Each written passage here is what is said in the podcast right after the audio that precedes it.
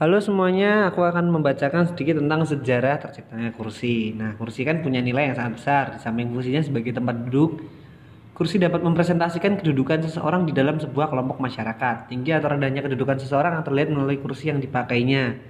Baik bahan, bentuk, dan hiasan yang ada pada kursi yang akan menunjukkan status sosial pemakainya.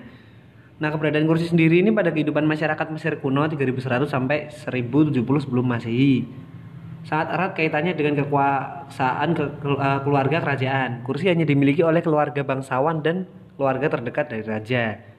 Masyarakat dari kelas bawah tidak diperbolehkan menggunakan kursi di rumah mereka.